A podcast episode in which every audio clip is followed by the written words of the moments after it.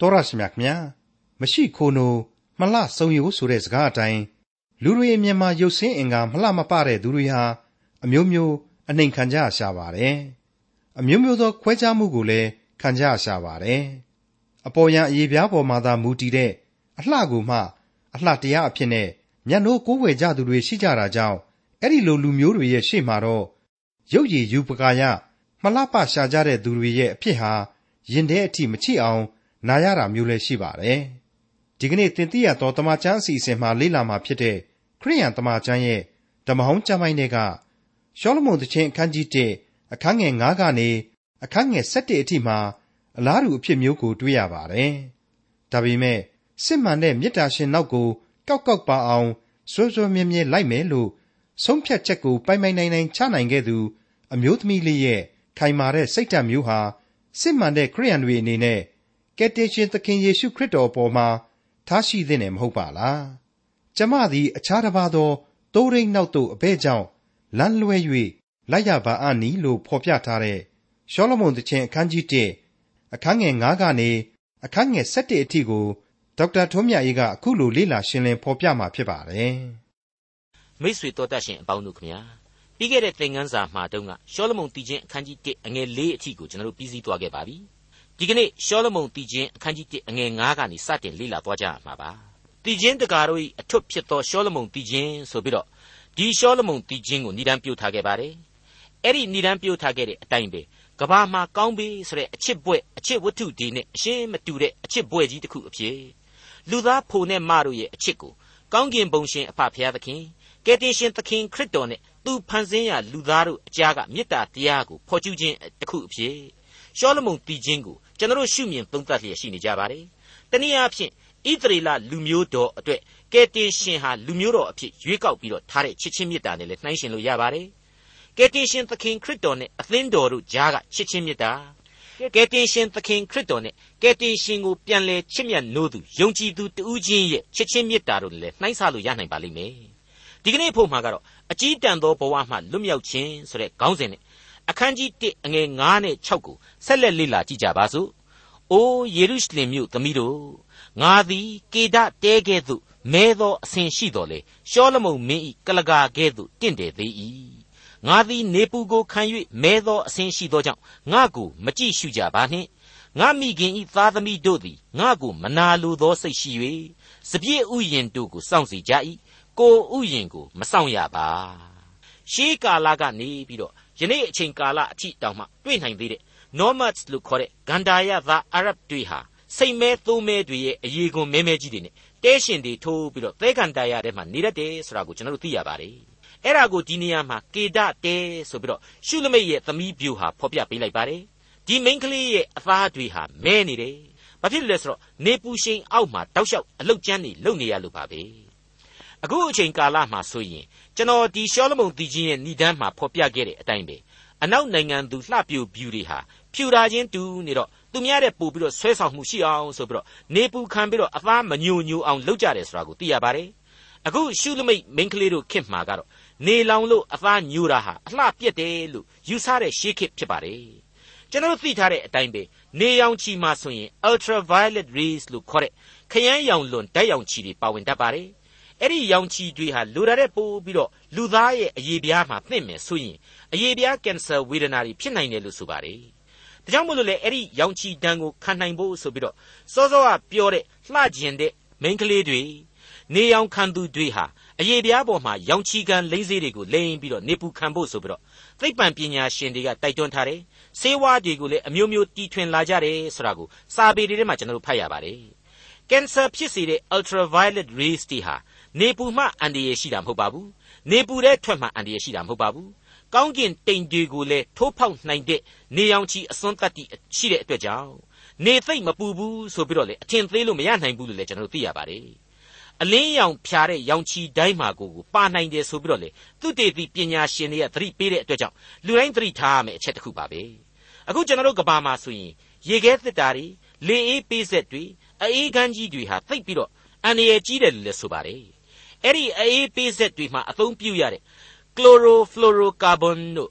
chlorofluoromethane တို့ကနေထွက်ပေါ်တဲ့ဓာတုဓာတ်ငွေတွေဟာလေမိုးကောင်းကင်ပေါ်ကိုတရွေ့ရွေ့ပြန်ပြီးတော့တက်တယ်ပြီးတော့ကောင်းကင်တိမ်တွေမှာသဘာဝအလျောက်တည်ရှိနေတဲ့အောက်ဆီဂျင်ရဲ့ဆွေမျိုးနီးစပ်တော်တဲ့အိုဇုံလို့ခေါ်တဲ့အလွှာကိုဖျက်ဆီးပစ်နေတယ်အိုဇုံဟာနေချီကိုကဘာမြေမှာအရှိန်ပြင်းပြင်းထန်ထန်မရောက်အောင်လို့ကာသတ်ပေးတဲ့သဘာဝအလွှာတစ်ခုဖြစ်တယ်အိုဇုံကိုအဲ့ဒီဖော်ပြပါသိပ္ပံအစွန်းအတွက်ဓာတ်ငွေတွေကတက်ပြီးတော့ဖျက်ဆီးတဲ့အချိန်မှာတော့ အိုဇုံ depletion လို့ခေါ်တဲ့ပျက်စီးမှုကြီးနဲ့အိုဇုံအလွှာပေါက်မှုကြီးတွေဖြစ်ပြီးတော့နေချီဟာကဘာမြေကြီးအတွက်ပို့ပြီးတော့ပြင်းထန်လာနေတယ်လို့လည်းဆိုပါတယ်အဲ့ဒီလိုနေချီကပြင်းထန်လေးလေးကင်ဆာယောဂဝေဒနာတွေဟာလည်းပုံမဖြစ်ပွားလာနေနေပဲဖြစ်တယ်ဆိုတာကိုလေသိပ္ပံသတင်းတွေမှာထောက်ပြနေတာကိုကျွန်တော်တို့တွေ့ရပါတယ်အဲ့ဒီတဲ့ပို့ပြီးဆိုးတာကတော့အဲ့ဒီနေအောင်ချီပြင်းထန်လာတဲ့အခါကျတော့ဝင်ရိုးစုံကသဘာဝရေခဲတောင်ကြီးတွေဟာအရေးပျော်ကျပြီးတော့ ပင်လယ်ပြင်မြင့်တက်မှုတွေဖြစ်လာတယ်။ရာသီဥတုဖောက်ပြန်မှုတွေဖြစ်ပေါ်နေခြင်းပဲလို့လည်းဆိုတာကိုတွေ့ရပါတယ်။မိတ်ဆွေအပေါင်းတို့ခမညာလူသားဟာသဘာဝကိုအန်တုခြင်းသပဆိုရင်အန်တုနိုင်ကြပါတယ်။ဒါပေမဲ့ဘယ်နည်းနဲ့မှမနိုင်နိုင်ဘူးဆိုတာကိုတော့မှတ်သားထားကြရလိမ့်မယ်ဆိုပြီးတော့သိပ္ပံပညာရှင်တွေအတော်များများဟာလက်ခံနေကြပါတယ်။ကျွန်တော်အနေနဲ့ကတော့သိပ္ပံသမားတယောက်အနေနဲ့သိပ္ပံပညာတိုးတက်မှုကိုအမြဲတမ်းနှစ်ချိုက်ပါတယ်။မငင်းပါဘူး။ဒါပေမဲ့အဲ့ဒီသိပ္ပံပညာဟာ ထာဝရဘုရားသခင်ကိုသိကျွမ်းနားလေခြင်းနဲ့ကြောက်ရွံ့ခြင်းမှသာအခြေခံရလိမ့်မယ်လို့ပြတ်သားစွာခံယူမိပါတယ်။ကျွန်တော်အနေနဲ့နေအောင်အောက်ကအနတ္တလူဘဝအကြောင်းကိုဒေသနာကျမ်းမှာအသေးစိတ်ကြားနာခဲ့ကြပြီးပါပြီ။အနတ္တလူဘဝဟာဘုရားသခင်ရဲ့မေတ္တာတော်အရေးကိုခရစ်တော်ထံကခံယူရရှိတဲ့ဖြောင့်မတ်ခြင်းတရားဝိယုံကိုခံယူပြီးတော့နေအောင်ချီအန်တရယ်မသိဘေးလွတ်လုံခြုံစွာသွားနိုင်ကြပါစေလို့သိပ္ပံပညာတိုးတက်နေတဲ့ခေတ်ကလူသားအလုံးတို့အတွက်မေတ္တာပို့သမိပါတယ် အခုကျွန်တော်တို့ဆက်လက်လေ့လာနေတဲ့ရှောလမုန်တည်ခြင်းတဲကဇက်ကောင်ရှုလမိတ်သမီးပြူကတော့နေအောင်အောက်ကအနတ္တဆိုတဲ့ဘဝမှာနေချီကိုမလွှဲမကင်းသာလို့သာခံယူနေရတယ်မခံညင်ရှာဘူးသူခမရမှာနေအောင်အောက်မှာအလုတ်လောက်ရတယ်ပင်မဆင်းရဲတယ်မိသားစုတစ်ခုလုံးကလည်းသူတို့တာဝန်တွေကိုသူ့အပေါ်မှာကြီးပဲပုံချတယ်ဆိုတဲ့သဘောတွေ့ရပါတယ်အဲ့ဒီမှာရင်ဘဝရဲ့အချုပ်နှောင်အောက်မှာလောကရန်တာဝန်တွေပြီးပြီးတော့ချောချောလှလှကလေးဘဝကနေပြီးတော့နေလောင်သွားရတယ် အသားမဲပြီးသွားရတယ်ဆိုတာကိုဖော်ပြလိုက်ပါတယ်အခုခေတ်ပုံမြင်နေတဲ့နှိုင်းရှင်မယ်ဆိုရင်တော့စင်ဒရလာမင်းသမီးလေးနဲ့တူမယ်လို့ကျွန်တော်တွေးမိပါတယ်မိษွေအပေါင်းတို့ခမညာကျွန်တော်တို့ကိုဖန်ဆင်းချိန်ကလေးကသူကိုယ်တိုင်ဝိညာဉ်ကိုမှုတ်သွင်းပေးထားတဲ့ဘုရားသခင်ဟာကျွန်တော်တို့ကိုအင်မတန်ချစ်တယ်အပြစ်ကနေရွေးနှုတ်ခြင်းတယ်ဆရာဟာအဲ့ဒီလိုအနတ္တလောကရဲ့အပြစ်ဒုစရိုက်ကြောင့်ညှဉ်းနှွမ်းနေလို့သနာဂယုနာနဲ့ချစ်တာပဲအပြစ်ရှိလို့ဘင်းဖြင့်ကျွန်တော်တို့ကိုအပြစ်လွတ်ချင်တာပဲ အပြစ်ငရဲကိုမရောက်စေခြင်းလို့ကိုရွေးနှုတ်ချင်တာပဲဆိုတာကိုကျွန်တော်တို့သိနာလေခံယူထားဖို့လိုပါတယ်အေဖက်ဩဝါဒစာမှာဆိုရင်အချင်းယောက်ျားများတို့ဆိုပြီးတော့ကိုယ့်ရဲ့အိမ်သူဇနီးများအပေါ်မှာမေတ္တာထားဖို့ညွှန်ကြားချက်တွေဟာတကယ်တော့ခရစ်တော်ရဲ့အသင်းတော်အပေါ်ကချစ်ချင်းမေတ္တာအတိုင်းအတာနဲ့တိုင်းတာပြီးတော့မေတ္တာသဘောထားရှိဖို့ဆုံးမလိုက်တာပဲဖြစ်ပါတယ်ဒါကိုအေဖက်ဩဝါဒစာမှာကျွန်တော်တို့တွေ့ကြရပြီးပါပြီအေဖက်ဩဝါဒစာအခန်းကြီး9အငယ်25ကနေ29မှာပြန်ပြီးတော့ကြည်ပါ အချင်းယောက်ျားတို့ခရစ်တော်သည်အသင်းတော်ကိုချစ်တော်မူတဲ့ကဲ့သို့သင်တို့လည်းကိုခင်ပွန်းကိုချစ်ကြလော့ထိုအသင်းတော်သည်တန်ရှင်းလျက်အပြစ်ကင်းလျက်ရှိသည်ဖြစ်၍အညီအကျေးတင်ခြင်းအရေးတွန့်ခြင်းမှစသည်တို့နှင့်လွတ်လပ်သဖြင့်အတရေတင့်တယ်လျက်ရှိသောအသင်းတော်ကိုခရစ်တော်သည်မိမိအားဆက်သအံ့သောငှာနှုတ်ကပတ်တော်ရေ၌ဆေးကြောခြင်းအားဖြင့်စင်ကြယ်တန်ရှင်းစေမည်အကြောင်းထိုအသင်းတော်အဖို့အလို့ငှာကိုကိုကိုစွန့်တော်မူ၏ ထိုနည်းတူယောက်ျားတို့သည်မိမိကိုယ်ကိုချစ်တဲ့ကဲ့သို့မိမိခင်ပွန်းတို့ကိုချစ်ရကြမည်ခင်ပွန်းကိုချစ်သောသူသည်ကိုကိုကိုချစ်သောသူဖြစ်၏ကိုအသားကိုမုံသောသူတယောက်မျှမရှိခရစ်တော်သည်အသင်းတော်ကိုကျွေးမွေးပြုစုတော်မူတဲ့ကဲ့သို့ခတ်သိမ်းသောသူတို့သည်မိမိတို့အသားကိုကျွေးမွေးပြုစုတတ်ကြ၏အဲ့ဒီလိုဖော်ပြထားခြင်းဖြစ်ပါတယ်မိတ်ဆွေအပေါင်းတို့ခမညာကျွန်တော်လူသားများရဲ့ဘဝဟာ နေအောင်အောက်ကအနတ္တသမားတွေဖြစ်တယ်ဆိုတာမငြင်းနိုင်ပါဘူးအပြစ်တရားအဖြစ်လေအကြီးတန်းနေရသူတွေဖြစ်တယ်လို့လည်းဆိုလို့ရနိုင်ပါတယ်အဲ့ဒီလိုအပြစ်ဒုစရိုက်မှာနစ်မွန်းနေတဲ့ကဘာသူကဘာသားလူသတ္တဝါများတို့ကိုနှုတ်ကပတ်တော်နဲ့မလှလှအောင်ပြုပြင်ပြီးတော့မှအသင်းတော်ကိုတိဆောက်စေတယ်ဆိုတာဟာကယ်တင်ရှင်သခင်ခရစ်တော်ရဲ့ချစ်ချင်းမေတ္တာဖြစ်တော်မူကြောင်းကိုအေဖက်ဩဝါဒစာဟာမိမောင်းထိုးပြနေတယ်လို့ကျွန်တော်ဆိုချင်ပါတယ်မိတ်ဆွေအပေါင်းတို့အခုအချိန်မှာတော့ရှောလမုန်တည်ခြင်းအခန်းကြီး1 အငယ်9ကိုဆက်ဆက်ဖတ်ရှုခြင်းအပြင်စိမ့်လန်းရတ်သူဆိုပြီးတော့ခေါင်းစဉ်ပေးပြီးတော့လေ့လာကြည့်ကြပါအောင်စို့ကျမနှစ်သက်နှစ်လိုရာအရှင်ကိုတော်သည်သိုးများကိုအဘဲမှထိန်းတော်မူသည်ကို၎င်းမွန်းတဲ့အချိန်၌အဘဲမှအရေးခိုးစေတော်မူသည်ကို၎င်းပြတော်မူပါကျမသည်အခြားတစ်ပါးသောသိုးရိန်နောက်သို့အဘဲကြောင့်လမ်းလွှဲ၍လိုက်ရပါအံ့နီဘလောက်အံ့ဩစရာကောင်းတယ်လေ သိုးရင်းကြီးဖြစ်တော်မူသောသခင်ဆိုပြီးတော့ကျွန်တော်တို့ဟာခရစ်တော်ကိုထုံမွန်းတတ်ကြပါတယ်ခရစ်တော်ကိုယ်တိုင်ကလည်းသူ့ကိုယ်ကိုသူသိုးရင်းဖြစ်တော်မူတယ်ဆိုပြီးတော့ဖော်ပြထားပါတယ်အဲ့ဒါဟာဥပမာအလင်္ကာပါပဲခရစ်တော်ကတကယ်ပဲဟဲ့သို့ဟဲ့သို့ဆိုပြီးတော့လိုက်ထိန်နေလို့လားဒါမှမဟုတ်ရင်လည်းကက်ကြီးလေးတစ်ချောင်းနဲ့သိုးမွေးတွေလိုက်ညှက်ပြီးနေလို့လားပြီးတော့အခုလိုဩစတြေးလျတို့နယူးဇီလန်တို့မှာဆိုရင်သိုးတွေယောဂရတဲ့အချိန်မှာသနတ်နဲ့ဒီသိုးတွေကိုလိုက်ပြီးပြစ်သက်ရတာကိုတယ်လီဗေးရှင်းတွေမှာကျွန်တော်တို့ကတွေ့ဘူးထားရတော့ အဲ့ဒီလိုပဲခရစ်တော်ကယောဂရနေတဲ့သိုးတွေကိုသနတ်ကလေးနဲ့လိုက်ပြီးပြစ်နေရလို့လားစသဖြင့်မေးเสียရှိပါတယ်မဟုတ်ပါဘူးရှေးကာလဣသရေလနိုင်ငံမှာမြင်ရတဲ့သိုးဒိန်တို့ရဲ့ဘဝသိုးတို့ရဲ့ဘဝကိုဥပမာဆောင်ပြီးတော့သိုးဒိန်ကြီးဖြစ်တယ်ကျွန်တော်တို့တွေဟာလည်းသူ့ရဲ့သိုးစုဖြစ်တယ်ဆိုတာကိုဥပမာအလင်္ကာအားဖြင့်တင်စားဖော်ပြနေခြင်းပါပဲမေတ္တာတော်ရဲ့သရုပ်ကိုလူသားနားလည်အောင်နှုတ်ကပတ်တော်မှာပုံဆောင်ခြင်းပါပဲ ဒီနေရာမှာကယ်တင်ရှင်သခင်ခရစ်တော်ဟာသူ့ကိုယ်ကိုသူသိုးရင်းကြီးအဖြစ်ပုံဆောင်ဖော်ပြခြင်းကိုပြန်ပြီးတော့စဉ်းစားနိုင်ပါတယ်ရှင်ယောဟန်ခရစ်ဝင်ကျမ်းအခန်းကြီး30အငယ်7ကနေ16အတွင်းမှာပြန်ပြီးတော့ကြည့်ကြပါငါသည်ကောင်းသောသိုးရင်းလည်းဖြစ်၏ကောင်းသောသိုးရင်းသည်သိုးတို့အဖို့အလို့ငှာမိမိအသက်ကိုစွန့်တတ်၏သိုးများကိုပိုင်သောသိုးရင်းမဟုတ်သူငှားဖြစ်သောသူမူကားတောခွေးလာသည်ကိုမြင်လျင်သိုးတို့ကိုပစ်ထား၍ထွက်ပြေးတတ်၏ တောခွေးသည်လည်းသိုးတို့ကိုလူရဲ့၍ကွဲလွင့်စေ၏သူငှားသည်သူငှားဖြစ်၍သိုးတို့၏အကျိုးကိုမမှတ်သောကြောင့်ထွက်ပြေးတတ်၏ငါသည်ကောင်းသောသိုးရင်းဖြစ်၏ခမည်းတော်သည်ငါကိုသိတော်မူ၍ငါသည်လည်းခမည်းတော်ကိုသိသကဲ့သို့ငါဤသိုးတို့ကိုငါသိ၏ငါသိုးတို့သည်လည်းငါကိုသိကြ၏ငါသည်ကိုယ်အသက်ကိုသိုးတို့အဖို့အလိုငါစွန့်၏ဤသိုးကြံသို့မဝင်သောအခြားသိုးတို့ကိုလည်းငါပိုင်သေး၏ထိုသိုးတို့ကိုငါဆောင်ခဲ့ရမည်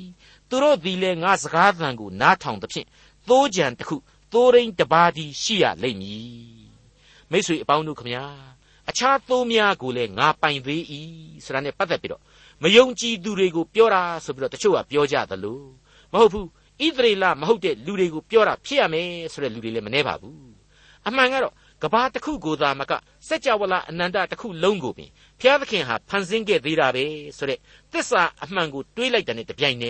က်ပရိယလိုက်တဲ့တပြိုင်နက်အဖြေဟာရှင်းနေပြီးသားဖြစ်တယ်လို့ကျွန်တော်ယူဆပါတယ်နောက်တစ်ခုကျွန်တော်တင်ပြခြင်းတာကတော့ဘုရားသခင်နဲ့သာဆိုင်တဲ့အဖြေကိုကျွန်တော်တို့လိုက်ပြီးတော့မဆက်စုဘဲနဲ့တန်ရာတန်ရာအဆင့်မှာပဲကျင့်တတ်ကြပါကယ်တင်ရှင်ပိုင်တဲ့တခြားသိုးတွေဟာဘသူဘယ်ဝါတွေဖြစ်တယ်ဆိုတာကိုစဉ်းစားဖို့တဲ့ကိုယ်တိုင်ဟာကယ်တင်ရှင်ရဲ့နောက်ကိုကောက်ကောက်ပါအောင်လိုက်နေတဲ့သိုးကလေးတကောင်ဖြစ်ဖို့သူ့အသံကိုအမြဲနားဆွင့်ပြီးတော့သူ့အမိန့်တော်ကိုနာခံနေတဲ့သိုးကလေးတကောင်ဖြစ်ဖို့ ပို့ပြီးတော့အရေးကြီးတယ်လို့ကျွန်တော်ဒီညမှာဆိုချင်ပါတယ်ရှောလမုန်တီချင်းအခန်းကြီး1အငယ်8မိမတကာတို့တဲ့အစင်းလှသောအမားသင်သည်မသိလျင်သိုးများခြေရာသို့လိုက်သွား၍သိုးရင်းတဲများအနားမှသင်ဤသိုးတငယ်တို့ကိုကျွေးမွေးပါလောမိษွေတော်တတ်ရှင်အပေါင်းတို့ခမညာရှုလမိတ်သမီးပြူဟာနေအောင်အောက်ကအနတ္တအမြင်နဲ့ကြည့်လိုက်ရင်နေလောင်ထားသောသူကလေးဖြစ်တယ်အယုတ်ဆိုးအကြီးတန်ခဲ့တယ်ဒါပေမဲ့သခင်ကယ်တင်ရှင်ကျေးဇူးတော် သခင်ထံမှာအသစ်သောပြောင်းလဲခြင်းအပြင်ငကိုလှပမှုတို့ဟာတရွေ့ရွေ့ပေါ်လာတယ်ဆိုတာထင်ရှားပါတယ်ဘလောက်လှသလဲဆိုရင်တခြားမိမသို့မဟုတ်ယုံကြည်ခြင်းမရှိတဲ့အခြားလောကကလှပါပြီဆိုတဲ့အရာတွေတဲ့ပို့ပြီးလှလာတယ်ဆိုတာကိုတွေ့လာရပါတယ်အဲ့ဒါဟာငကိုရှိလို့ငကိုင်းထွက်ခြင်းပါပဲအစအကတည်းကဘုရားသခင်ဘုန်းတော်နဲ့ရစ်ပတ်ခံထားရတဲ့လူသားဟာဒုစရိုက်အပြစ်များကြောင့်ဘလောက်ပဲအလှပြက်နေရနေရ ကောင်းကင်အရေးအောက်မှာသာခိုလှုံလိုက်မယ်ဆိုရင်တော့လှပတဲ့ဝိညာဏလူသားဖြစ်လာရတယ်ဝိညာဏအသင်းတော်ဖြစ်လာရတယ်ဆိုတဲ့အဓိပ္ပာယ်ပါပဲသင်ဤသိုးတငယ်တို့ကိုကျွေးမွေးပါလောတဲ့ဟုတ်ပါတယ်ကယ်တင်ရှင်ဟာတတိယအကြိမ်မြောက်ကိုထင်ရှားပြသတဲ့အချိန်မှာတမန်တော်ပေတရုကိုအခုလိုမှာကြားခဲ့ပါတယ်ရှင်ဟန်ခရစ်ဝင်ကျမ်းအခန်းကြီး27အငယ်15မှ18ကိုဖတ်ကြည့်ကြပါနန်နဲ့စာကိုစားကြသည်နောက်ယေရှုကယောနာဤသားရှိမုန် ဤသူတို့သည်ငါကိုချစ်သည်တဲ့သင်သည်သာ၍ချစ်သလောဟုရှိမုန်ပေတရုအားမေးတော်မူလျှင်ဟုတ်ပါ၏သခင်ကိုတော်ကိုအကျွန်ုပ်ချစ်သည်ကိုကိုတော်သိတော်မူ၏ဟုလျှောက်တော်ငါဤသိုးတငယ်တို့ကိုကြွေးမွေးလော့ဟုမိန့်တော်မူ၏တဖန်ယေရှုကယောနာဤသားရှိမုန်သင်သည်ငါကိုချစ်သလောဟုဒုတိယအကြိမ်မေးတော်မူလျှင်ဟုတ်ပါ၏သခင်ကိုတော်ကိုအကျွန်ုပ်ချစ်သည်ကိုကိုတော်သိတော်မူ၏ဟုလျှောက်တော်ငါဤသိုးတို့ကိုထိမ့်လော့ဟုမိန့်တော်မူ၏ ယေရှုကလည်းယောနာဤသားရှိမုန်သင်သည်ငါကိုချစ်သလောဟုတတိယအကြိမ်မေးတော်မူလျှင်သင်သည်ငါကိုချစ်သလောဟုသုံးကြိမ်မြောက်အောင်မေးတော်မူသောကြောင့်ပေတရုသည်စိတ်နာသဖြင့်သခင်ကိုတော်သည်ခတ်သိမ်းသောအရာတို့ကိုသိတော်မူ၏ကိုတော်ကိုကျွန်ုပ်ချစ်သည်ကိုကိုတော်သိတော်မူ၏ဟုလျှောက်သောယေရှုကငါဤသိုးတို့ကိုကြွေးမွေးလော့အခုရှောလမုန်တည်ခြင်းမှာကြတော့သင်ဤသိုးတငယ်တို့ကိုကြွေးမွေးပါလော့တဲ့မိတ်ဆွေအပေါင်းတို့ခမညာ သခင်ခရစ်တော်ရဲ့မေတ္တာတော်ကိုတုံ့ပြန်တဲ့နေရာမှာတော့လက်တွေ့အကြဆုံးလုပ်ရအဖြစ်လူသားအချင်းချင်းကြွေးမွေးပြုစုခြင်းဟာအကောင်းဆုံးပဲလို့ကျွန်တော်ခံယူပါတယ်လူလူချင်းမေတ္တာဝေမျှခြင်းဟာအမှန်ကန်ဆုံးသောကယ်တင်ရှင်သခင်ခရစ်တော်ရဲ့မေတ္တာတော်ကိုရောင်ပြန်ဟတ်ခြင်းပဲလို့ကျွန်တော်ခံယူပါတယ်ရှင်ပေတရုဩဝါဒစာပထမစာဆောင်အခန်းကြီး2အငယ်1မှ3အတွင်းမှာလေအဲ့ဒီသဘောတရားကိုထပ်ပြီးတွေ့ရပါတယ်ထို့ကြောင့် သင်တို့သည်သခင်ဖျား၏ကျေးဇူးတော်ကိုမြည်ဆန်းကြသည်ဖြစ်၍အမျိုးမျိုးသောမနာလိုခြင်းလှည့်ပြားခြင်းလျှို့ဝှက်ခြင်းညူစုခြင်းကဲ့ရဲ့ခြင်းရှိသမျှကိုပယ်ရှား၍ကဲတင်ခြင်းအလိုငှာနှုတ်ကပတ်တရားဤနှုတ်စစ်အားဖြင့်ကြီးပွားမည်အကြောင်းဖွားစသောသူငယ်ကဲ့သို့ထိုတရားနှုတ်ကိုအလွန်လိုခြင်းသောစိတ်ရှိကြလော့ကြားနာရတဲ့အချက်ဒီအကုန်လုံးတို့ဟာခရစ်တော်၏ကယ်တင်ခြင်းကျေးဇူးတော်ကိုလူသားတို့ဟာလိုအပ်တယ်ခံယူဖို့ သိပြီးတော့အရေးကြီးတယ်ဒါကြောင့်မလို့ဒီလိုခံယူဖို့နဲ့ဝေမျှဖို့ဆိုတဲ့မေတ္တာသဘောကိုဆက်လက်ဖော်ပြနေတဲ့အကြောင်းကိုကျွန်တော်ဖော်ပြခြင်းပါတယ်နှုတ်ကပတ်တော်အားဖြင့်ပြောင်းလဲသောအသက်တာများဖြစ်ဖို့သာအဓိကလို့လည်းကျွန်တော်တင်ပြလိုက်ပါတယ်အခုရှောလမုန်တည်ခြင်းအခန်းကြီး1အငယ်6မှ7ကိုဆက်လက်နားဆင်ကြည့်စေခြင်းပါတယ်သူတို့သမီးရှုမကြီးဆိုတဲ့ခေါင်းစဉ်နဲ့လေ့လာတိုက်တဲ့ဖော်ပြချက်များကိုတွေ့ရပါလိမ့်မယ်ငါချစ်သောနှမသင်ကိုဖာရောမင်းယထာ၌ကသောမြင်းနှင့်ငါပုံပြမည် သင်ဤပါသွယ်၌မုတ်ပရိတစားဆင်လျက်လေပင်၌ပလဲအသွဲသွဲဆွဲလျက်သင်သည်တင့်တယ်လှ၏ငွေနှင့်အပြောက်ချဲသောရွှေပရိအသွဲသွဲကိုလည်းလှုပ်၍ပေးအောင်မည်အချစ်ပွဲကြီးကိုရေးသားနေတဲ့ရှောလမုန်မင်းကြီးဟာမြင်းနေမွေးမြူဖို့အင်မတန်ဝါသနာပါတော့ဒီအပိုင်းမှာသူဆွဲလန်းနေတဲ့မြင်းဟာခေါင်းထဲကိုရောက်လာတာလို့ကျွန်တော်ခံယူပါတယ်ဒါအပြင်သူဟာအေဂုတ်ထုမင်းသမီးတစ်ပါးနဲ့လည်းလက်ထပ်ခဲ့ဘူးတော့အေဂုတ်ထုနိုင်ငံကဘရင်မြင်းထား ဘရင်ရဲ့မြင်းကိုလည်းတေသေးချာလေ့လာပြီးတော့ထားဟန်ရှိပါတယ်အဲ့ဒီရှေးခေတ်ကာလအတိုင်းအတာတစ်ခုမှာဘရင်ယထာကိုကရတဲ့မြင်းဆိုတာဟာလူတိုင်းငေးကြည့်ရလောက်အောင်လှမှာအမှန်ပါပဲတနည်းအားဖြင့်ဓာတ်ရိုက်သို့မဟုတ်ဒုံတိအဖြေကိုယူမယ်ဆိုရင်လည်းဒါဟာမရှုပ်ထွေးလှပါဘူးဒါပေမဲ့တရက်ပို့ပြီးတော့ဆန်းသစ်နေအောင်အဖြေကိုရှာလို့လည်းဖြစ်နိုင်ပါသေးတယ်မှန်ပါတယ်အဲ့ဒီလိုအေဂုတ်ထုဘရင်ဤယထာကိုကတော်မြင်းဆိုတာဟာအလွန်ကျယ်ပြန့်တဲ့အတိတ်ပဲကိုဆောင်းတယ်လို့ကျွန်တော်ဆိုချင်ပါတယ် ဣသရေလသမိုင်းနဲ့ဓမ္မသမိုင်းမှာအေဂုတ်ထုဆိုတဲ့အရက်ဟာကျွန်လောင်းရိပ်ပဲဖြစ်ပါတယ်အပြည့်ရိပ်လို့လည်းမှတ်ယူနိုင်ပါတယ်အဲ့ဒီကျွန်လောင်းရိပ်ကနေပြီးတော့လွတ်မြောက်ခြင်းဆိုတာဟာအပြစ်မှလွတ်မြောက်ခြင်းကိုဆိုလိုခြင်းဖြစ်ပါတယ်အဲ့ဒီအပြည့်ရိပ်ကမင်းရဲ့ယထာမှာကရတဲ့မြင်းဆိုတာဟာတကယ်တော့အပြည့်ရိပ်ကအလှကိုဆိုချင်တာပါပဲမိတ်ဆွေအပေါင်းတို့ခမညာအသင်းတော်ကိုခရစ်တော်ဟာအပြည့်ရိပ်ကနေပြီးတော့ရွေးကောက်လိုက်တာဖြစ်ပါတယ်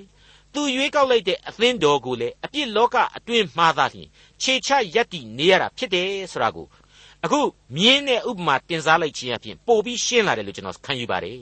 ဒါပေမဲ့ဒီအသင်းတော်ကိုခရစ်တော်ဟာကောင်းကြီးမင်္ဂလာအမျိုးမျိုးနဲ့ပတ်ရစ်ပေးလျက်ရှိနေတယ်ဆိုတာကိုရှောလမုန်တီချင်းဟာဆက်လက်ဖော်ပြပေးလိုက်ပါတယ်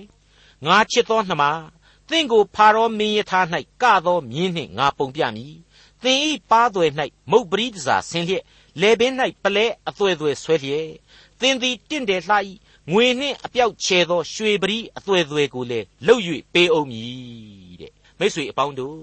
ကျွန်တော်အထက်ကတင်ပြခဲ့တဲ့အတိုင်းပဲအပြည့်ရိတ်ကကျွန်တော်တို့လူသားအတွက်ဘုရားသခင်ပေးတဲ့ကယ်တင်ခြင်းဆိုတာဟာကျွန်တော်တို့ကတော်လို့တက်လို့အပြစ်ကင်းလို့ခံစားရခြင်းအရှင်မဟုတ်ကယ်တင်ရှင်ရဲ့ချစ်ချင်းမေတ္တာတော်တက်သက်အားဖြင့်ခံစားရခြင်းသာဖြစ်တယ်ဆိုတာကိုကျွန်တော်တို့ဘယ်လို့မှမေ့ထားလို့မရနိုင်ပါဘူး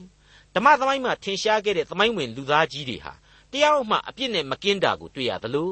အဲ့ဒီမကင်းသောအပြစ်တွေကြားထဲကဘင်းဖြင့်ဖြောင့်မတ်သောလူများဆိုပြီးတော့သတ်မှတ်ခြင်းကိုခံခဲ့ရပါတယ်အဲ့ဒီလူကြီးတွေကိုဖြောင့်မတ်ခြင်းအခွင့်ကိုပေးတယ်ဆိုတာဒီဟာလေအကုန်လုံးပြေဝစုံလင်လွန်းလို့မဟုတ်ဖ ೇನೆ သူတို့ရဲ့ယုံကြည်ခြင်းကြောင့်သာလျှင်အခုလိုဖြောင့်မတ်ခြင်းအခွင့်ကိုရရှိစေခြင်းဖြစ်တယ်အဲ့ဒီဖြောင့်မတ်ခြင်းအားဖြင့်လေသူတို့ဟာအပြစ်သမိုင်းလူသားကြီးများဖြစ်ခဲ့ကြပေမယ့် ဘုရားသခင်ရဲ့ဘုန်းတော်ကိုတော့ဝင်စားခဲ့ကြပြီလို့ကျွန်တော်အခိုင်အမာဆိုချင်ပါတယ်မိတ်ဆွေအပြည့်ရိတ်ကမြင်းတကောင်နဲ့ဆင်တူတယ်တဲ့ပြီးတော့သိုးကလေးတွေနဲ့လည်းတူနေပါတယ်တဲ့ဒါတွေကကျွန်တော်အပြစ်သမိုင်းဝင်လူသားတို့အတွက်ထိုက်ထိုက်တန်တန်ဖော်ပြပြီးတော့နှိုင်းရှင်ကျဥပမာများအဖြစ်နှုတ်ကပတ်တော်ကတင်စားဖော်ပြခြင်းပါပဲဟုတ်ပါတယ်မိတ်ဆွေတို့ ကျွန်တော်ရဲ့ဘဝအသီးသီးဟာနေအောင်အောက်ကအနတ္တဘဝများသာဖြစ်တယ်ဆိုတာကိုဒေသနာကျမ်းများအားဖြင့်ကျွန်တော်ခန်းစားထိတွေ့ခဲ့ရပါပြီသိနာလေခဲ့ရပြီးပါပြီဘုရားသခင်ရဲ့တစ်ဖက်သက်တည်နေသောကျေးဇူးတော်ဆိုတာကိုသာမထည့်သွင်းရင်သို့မဟုတ်မပါဝင်ရင်တော့ကျွန်တော်ဟာရိုးပြမြေခကြွေကြရမယ်အပြစ်လူသားတွေကြီးပဲဖြစ်တယ်မြေမုံကလာသောလူတ attva တွေကြီးသာဖြစ်ပါတယ်အဲ့ဒီလိုမြင်းသိုးစတဲ့တိရစ္ဆာန်လောကကတ attva တွေနဲ့နှိုင်းရှင်ရလောက်အောင် ဇာတိပဂရိသဘောအရာအလွန်ညံ့ဖျင်းနေတဲ့ကျွန်တော်တို့ကိုမှကယ်တင်ရှင်သခင်ခရစ်တော်ဟာမြေကြီးပေါ်ကိုကြွဆင်းလူဇာတိကိုခံယူပြီးတော့ကယ်တင်ခြင်းကျေးဇူးကိုပြုတော်မူတယ်။ကောင်းကြီးမင်္ဂလာအမျိုးမျိုးနဲ့ပတ်ရတော်မူတယ်။အဲ့ဒါနဲ့ပဲကယ်တင်ရှင်ဟာလေတိုးရင်ကြီးဆိုတဲ့ပုံဥပမာကိုကိုယ်တိုင်ခံယူလိုက်ရခြင်းဖြစ်ပြန်ပါတယ်။ဒါဟာအကျွင့်မဲ့မေတ္တာရဲ့သဘောပါပဲ။အခုရှောလမုန်တည်ခြင်းတဲ့ကရှုလမိတ်သမီးပြိုခံစားရသောမေတ္တာဖြစ်သလို ရှုလမိတ်သမီးပြိုကိုချစ်သောရှောလမုန်ဆိုတဲ့လူသားတစ်ယောက်မှတဆင့်တွေ့မြင်ရသောအံ့ဩဖွယ်သောမေတ္တာလည်းဖြစ်ပါတယ်ဒီမေတ္တာဟာဖိုနဲ့မတို့ရဲ့ယဉ်နှီးခြင်းနဲ့ပမာပြုတဲ့ဆောင်းတဲ့သောအမြင့်ဆုံးသောတတ္တလောကရဲ့အချစ်ဖြစ်ပါတယ်ကျွန်တော်အတိတ်ကဖော်ပြသလိုအစွန်းနှစ်ပါးနဲ့လေလွတ်ကင်းနေပါတယ်တိဖိုနဲ့မဆိုတဲ့မတူညီတဲ့လိန်စိတ်တို့ဟာဘုရားသခင်ကိုတော်တိုင်ဖန်ဆင်းထားတဲ့ဆွဲငင်အားနှစ်ခုပဲဖြစ်ပါတယ်ဒါကိုပဲရှက်เสียကြောက်เสีย ဆန့်ကျင်ဖုံးကွယ်စရာအဖြစ်လှဲ့လို့တောင်မှမကြည့်စကားလေးတောင်မှထဲ့မပြောဘူးဆိုတဲ့ asceticism လို့ခေါ်တဲ့အစွန်းရောက်လာတဲ့လူသဘာဝစံမမီလမ်းစဉ်ကိုရှောလမုန်တီချင်းဟာလက်မခံပါဘူးအဲ့ဒီတိုင်းပါပဲနှစ်တဏပေမလူလောကမှာကိလေသာအစွဲလွန်ခြင်းကာမဂုဏ်၌သာအစဉ်မှီဝဲခြင်းဝါဒလို့ခေါ်တဲ့ uxoriousness လို့ခေါ်တဲ့အစွန်းရောက်တိရစ္ဆာန်နိဗ္ဗာန်သဘာဝလွန်အယူအဆကိုလည်းလက်မခံပါဘူးတနည်းအားဖြင့် hippidom လို့ခေါ်တဲ့ လူကိုတိရစ္ဆာန်လောကလောက်အထိဆွဲယူပြီးတော့ခံယူတဲ့အရင်စိတ်များကိုလည်းလက်မခံပါဘူးအဲ့ဒီအစွန်းနှစ်ပါးနဲ့ကင်းလွတ်ပါတယ်ရှောလမုန်တီချင်းဟာအနတ္တလူသားတို့ရဲ့ကြားကအမြင့်ဆုံးလူမိမ့်မလူယောက်ျားတို့ရဲ့မြင့်မြတ်သောအချစ်ပွဲတစ်ခုသာဖြစ်ပါတယ်အချစ်နဲ့မကင်းတဲ့လောကအတွင်းကချစ်သူတို့ရဲ့အကြောင်းတစ်ခုလို့လည်းဆိုနိုင်ပါလိမ့်မယ်ဒါပေမဲ့ဒီအချစ်ပွဲဟာကယ်တင်ရှင်သခင်ခရစ်တော်ရဲ့အသင်းတော်အပေါ်မှာထားရှိသောမေတ္တာအသင်းတော်နဲ့တကွယုံကြည်သူတဦးချင်းအနေနဲ့ခရစ်တော်ရဲ့ချစ်ချင်းမေတ္တာကို နားလေထိတွေ့ယုံမျှတာမကဆွဲလန်းမြတ်နိုးစွာတုံ့ပြန်အပ်သောမေတ္တာတရားတို့အကြောင်းကိုအပြိုင်ရှင်တွဲဖော်ပြနေတယ်လို့ကျွန်တော်ဆိုချင်ပါတယ်မိတ်ဆွေအပေါင်းတို့လောကီစည်းစိမ်မျိုးမျိုးတို့တဲ့ကိုတော်ကိုသာချစ်သည်မပြည့်စည်နိုင်ညီသက်ခြင်းကိုပေးတော်မူသောကြောင့်ဒီချစ်ချင်းမေတ္တာတော်ကြောင်းစကားတဝက်ကူမျှမမီသွေးတော်ဖြင့်အပြစ်များကိုဆေးကြောကြောင်းပြောတော်တဝက်ကူမျှမမီဆိုတဲ့ဓမ္မတိချင်းအမှတ်စဉ်268ကိုကျွန်တော်သတိရမိပါတယ် ပြီးခဲ့တဲ့သင်ခန်းစာမှာလည်းကျွန်တော်ဖော်ပြခဲ့ပြီးပါပြီအဲ့ဒီသချင်းရဲ့နောက်ဆုံးအပိုက်မှာဆိုရင်အခုလိုဆက်လက်တင်ပြထားတာကိုမှတ်မှတ်သားသားတွေ့နိုင်ပါတယ်အသက်တာတွင်ကိုတော်ပါခြင်းဖြင့်ဤမျှရှင်လန်းစေလျင်ကိုတော်မြတ်ကိုဖူးမြင်ခြင်းသည်ဘယ်လောက်ကြီးသောအခွင့်ချစ်ချင်းမေတ္တာတော်ကြောင်းစကားတဝက်ကိုမျှမမီသွေးတော်ဖြင့်အပြစ်များကိုဆေးကြောကြောင်းပြောတော်တဝက်ကိုမျှမမီဆိုပြီးတော့ဖြစ်ပါတယ်မှန်ပါတယ်အသက်တာကာလမှာကြုံဆုံရတဲ့လောကချစ်ချင်းတွေမှာ ကိုတော်ရှင်ကိုဥထိတ်ထားခြင်းအပြင်လူတို့ကြံစည်၍မမိနိုင်သောငြိမ်သက်ခြင်းကိုခံစားရပါတယ်လောကယသရဲ့စုံလင်ခြင်းကိုလည်းခံစားရစေပါတယ်အဲ့ဒီအထက်မှာမှဖိုနဲ့မတို့ရဲ့တန့်ရှင်းသောချစ်ချင်းဟာအလွန်ထင်ရှားတဲ့ဥပမာပါပဲရှောလမုန်နဲ့ရှုလမိတ်ဆိုတာရဲ့အတိတ်ပဲတို့ဟာငြိမ်သက်ခြင်းဖြစ်တယ်ဆိုတာကိုကျွန်တော်ပြောခဲ့ပြီးပါပြီကျွန်တော်လူသားရဲ့သဘာဝချစ်ချင်းဆိုတာဟာဘုရားသခင်ပေးသနာတော်မူသောအရာဖြစ်ပါတယ်ရှက်ကြောက်เสียမလိုသလိုရှုံချเสียအကြောင်းနဲ့ဘာမှမရှိတဲ့အရာတွေဖြစ်ပါတယ် အရေးကြီးတာကတော့အဲ့ဒီလိုသန့်ရှင်းတဲ့မင်္ဂလာစုံတွဲတို့ဘဝဟာထာဝရဘုရားသခင်ကိုဥထိတ်ထားသောဥတီထားသောချစ်ချင်းဖြစ်ဖို့လိုတယ်မင်္ဂလာကနေအမင်္ဂလာဖြစ်မသွားဖို့သာအရေးကြီးတယ်လို့ကျွန်တော်ဆိုချင်ပါတယ်ဒီကနေ့လေ့လာနေရတဲ့ရှောလမုန်တီချင်းဟာအဲ့ဒီလိုအဖဖျားသခင်ကောင်းကြီးပေးသောလူသားတို့ရဲ့သဘာဝချစ်ချင်းတရားကိုဖော်ပြနေသလိုလူသားတို့ရဲ့သဘာဝချစ်ချင်းမှသည်ဖျားသခင်နှင့်သားတော်ကယ်တင်ရှင်သခင်ခရစ်တော်တို့ရဲ့ လူလောကအပေါ်မှာချစ်ချင်းကိုပါရောင်ပြန်ဟဖော်ပြနေကြောင်းကျွန်တော်တင်ပြခြင်းပါတယ်အဲ့ဒီအနှစ်သာရကိုလေဝိညာဉ်တော်လမ်းပြခြင်းအပြင်ခံယူနိုင်ကြပါစေလို့ဆုတောင်းမေတ္တာပို့သလျက်ရှိနေပါတယ်မိတ်ဆွေအပေါင်းတို့ဣသရေလလူမျိုးဆိုတာဟာဓမ္မသမိုင်းရဲ့ပြည့်ညတ်တော်ကာလရှေးကာလမှာကလေးကဘုရားသခင်ရဲ့ရွေးကောက်တော်မူသောလူမျိုးဓမ္မသမိုင်းစင်မြင့်ပေါ်ကနေပြီးတော့အပြစ်လူပေါင်းအဖွဲ့အစည်းမှာထားရှိသောဘုရားသခင်၏ချစ်ချင်းမေတ္တာတော် ကျေးဇူးဂရုဏာတော်နဲ့ကယ်တင်ရှင်ကျေးဇူးတော်ကိုဖော်ပြနိုင်ဖို့ရန်တမင်ရွေးကောက်ထားသောလူမျိုးဆိုတာကိုကျွန်တော်တို့သိထားပြီးဖြစ်ပါတယ်အဲ့ဒီလူမျိုးတော်အပေါ်မှာဘုရားသခင်ကဘလောက်ချစ်တော်မူတယ်ဆိုတာကိုလေကျွန်တော်တို့ကိုနှုတ်ကပတ်တော်ဟာသွန်သင်ပေးခဲ့ပြီးပါပြီအတိတ်ကာလကဖြစ်ရတွေအဖြစ်ပြတ်သားစွာနားလေခဲ့ရပြီးပြီလို့ကျွန်တော်ဆိုချင်ပါတယ်ကျွန်ဘဝကနေလူမျိုးတော်ကိုလွတ်မြောက်စေဖို့မောရှေကိုအမှားဆင့်ချိန်အကြောင်းကလေးကိုပြန်ပြီးတော့စဉ်းစားကြည့်ပါဒီလူမျိုးတော်ဟာဘယ်နှခါများလိမ်မာခဲ့ပါသလဲ ဘယ်နှခါများစကားတော်ကိုနားထောင်ခဲ့ပါသလဲ